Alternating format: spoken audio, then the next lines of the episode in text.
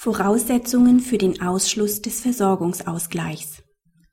Der Ausschluss oder die Beschränkung des Versorgungsausgleichs nach 1587c BGB verlangt im Vergleich zu 1579 BGB deutlich höhere Anforderungen. Im Streit um den Versorgungsausgleich beruft sich die ausgleichspflichtige Ehefrau auf 1587c BGB. Der selbstständig tätige Ehemann habe während der Ehe nur ungenügend zum Familienunterhalt beigetragen, keine eigene Altersvorsorge betrieben und einen Prozessbetrug begangen. Die Ehefrau scheitert mit ihren Einwendungen vor dem AG ebenso wie vor dem OLG. Die ungekürzte Durchführung des Versorgungsausgleich ist richtig.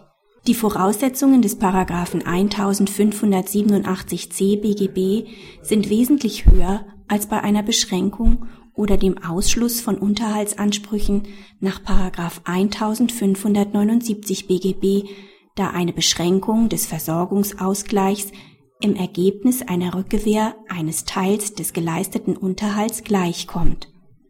Es sollen nur besondere Härten oder grundrechtswidrige Auswirkungen des Versorgungsausgleichs im Einzelfall verhindert werden.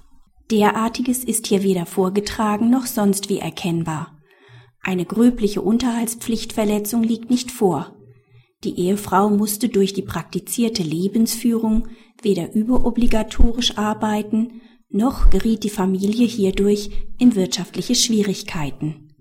Der Ehemann hat auch nicht in vorwerfbarer Weise auf eine eigene Absicherung verzichtet.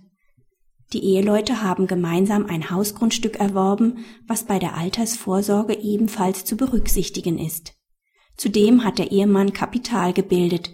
Schließlich liegt auch kein schweres vorsätzliches Vergehen im Sinne des Paragraphen 1587c BGB vor.